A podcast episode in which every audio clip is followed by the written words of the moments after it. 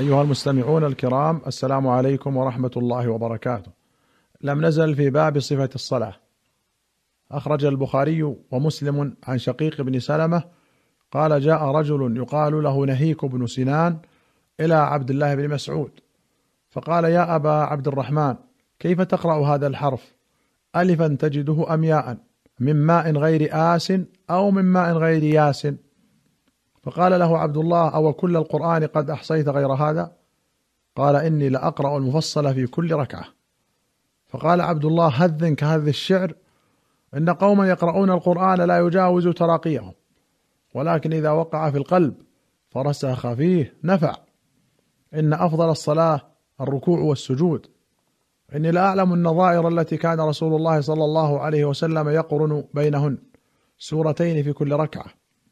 ثم قام عبد الله فدخل علقمة في إثره فقلنا له سله عن النظائر التي كان رسول الله صلى الله عليه وسلم يقرأ بها في كل ركعة. فدخل عليه فسأله ثم خرج علينا. فقال عشرون سورة من أول المفصل على تأليف عبد الله. آخرهن من الحواميم حاميم الدخان وعما يتساءلون. وفي رواية أبي داود عن علقمة والأسود قال أتى ابن مسعود الرجل فقال إني أقرأ المفصل في ركعة.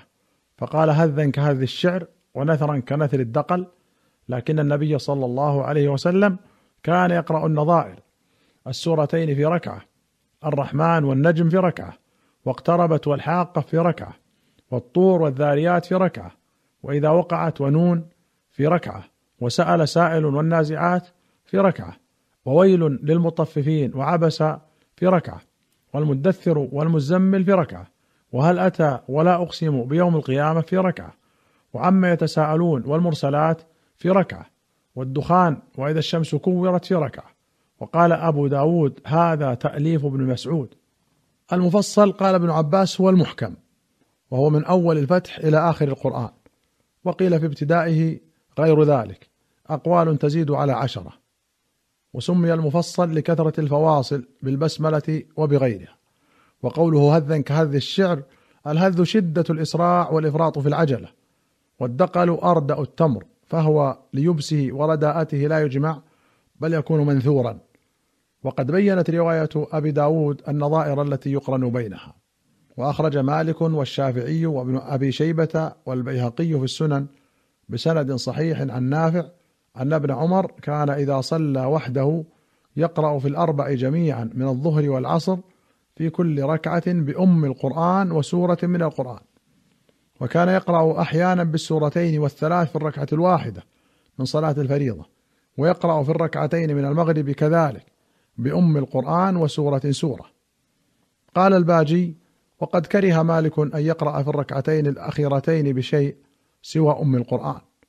وقال الشافعي يقرأ في الأربع ركعات كلها بأم القرآن وسورة سورة.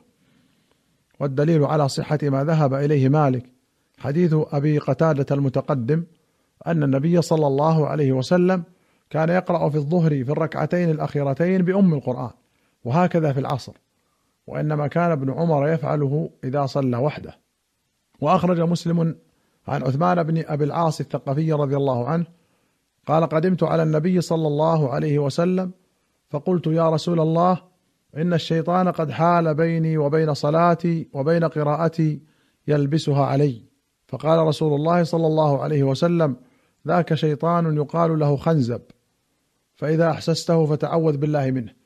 واتفل عن يسارك ثلاثا ففعلت ذلك فأذهبه الله عني. قوله يلبسها علي ان يخلطها ويشككني فيها واللبس الخلط.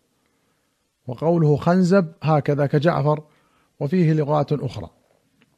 وأخرج مسلم عن عائشة قالت كان رسول الله صلى الله عليه وسلم يقول في ركوعه وسجوده سبوح قدوس رب الملائكة والروح قوله سبوح قدوس هما بضم السين والقاف وبفتحهما والضم أفصح وأكثر. والمراد بالسبوح القدوس المسبح المقدس. فكأنه قال مسبح مقدس رب الملائكة والروح. ومعنى سبوح المبرأ من النقائص والشريك وكل ما لا يليق بالإلهية وقدوس المطهر من كل ما لا يليق بالخالق. والروح قيل ملك عظيم وقيل يحتمل أن يكون جبريل عليه السلام وقيل خلق لا تراهم الملائكة كما لا نرى نحن الملائكة. والله أعلم ونسبة العلم إليه أسلم.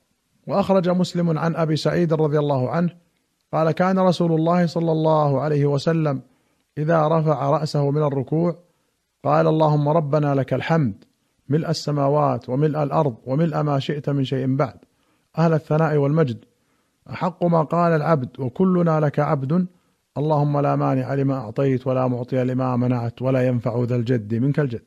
قال النووي أهل الثناء بالنصب على النداء هذا هو المشهور.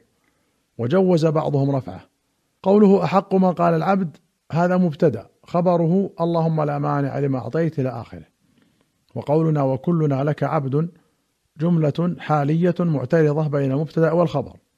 وتقديره هنا أحق قول العبد لا مانع لما أعطيت ولا معطي لما منعت إلى آخره. وكلنا لك عبد فينبغي لنا أن نقوله. والجد هو الغنى والحظ والعظمة والسلطان والمال والولد. أي لا ينفع ذا الغنى عندك غناه أو لا ينجيه منك إنما ينفعه وينجيه العمل الصالح. كقوله تعالى وما أموالكم ولا أولادكم بالتي تقربكم عندنا زلفى إلا من آمن وعمل صالحا. وقيل من بمعنى البدل. وأخرج مسلم عن ابن أبي أوفى رضي الله عنه قال كان رسول الله صلى الله عليه وسلم إذا رفع ظهره من الركوع قال سمع الله لمن حمده. اللهم ربنا لك الحمد ملء السماوات وملء الأرض وملء ما شئت من شيء بعد. اللهم طهرني بالثلج والبرد والماء البارد. اللهم طهرني من الذنوب والخطايا كما ينقى الثوب الأبيض من الدنس. وأخرج البخاري عن رفاعة بن رافع قال كنا نصلي وراء النبي صلى الله عليه وسلم. فلما رفع رأسه من الركعة الأولى قال سمع الله لمن حمده. وقال رجل وراءه ربنا ولك الحمد حمدا كثيرا طيبا مباركا فيه. فلما انصرف قال من المتكلم آنفا؟ قال أنا. قال رأيت بضعة وثلاثين ملكا يبتدرونها أيهم يكتبها أول؟ وأخرج البخاري ومسلم عن البراء بن عازب رضي الله عنهما قال كنا نصلي خلف النبي صلى الله عليه وسلم فإذا قال سمع الله لمن حمده لم يحن أحد منا ظهره حتى يضع النبي صلى الله عليه وسلم جبهته على الأرض. ولمسلم قال كنا مع النبي صلى الله عليه وسلم لا يحني أحد منا ظهره حتى نراه قد سجد ثم نخر من ورائه سجدا. وأخرج مسلم عن عمرو بن حريث رضي الله عنه قال صليت خلف رسول الله صلى الله عليه وسلم الفجر فسمعته يقرأ فلا أقسم بالخنس الجوار الكنس وكان لا يحني رجل منا ظهره حتى يستتم ساجدا. وأخرج البخاري ومسلم عن أنس قال إني لا آل أن أصلي بكم كما رأيت رسول الله صلى الله عليه وسلم يصلي بنا. قال ثابت فكان أنس يصنع شيئا لا أراكم تصنعونه. كان إذا رفع رأسه من الركوع انتصب قائما حتى يقول القائل قد نسي. وإذا رفع رأسه من السجدة وفي رواية بين السجدتين مكث حتى يقول القائل قد نسي. أيها المستمعون الكرام إلى هنا نأتي إلى نهاية هذه الحلقة. حتى نلقاكم في حلقة قادمة إن شاء الله. نستودعكم الله والسلام عليكم ورحمة الله وبركاته.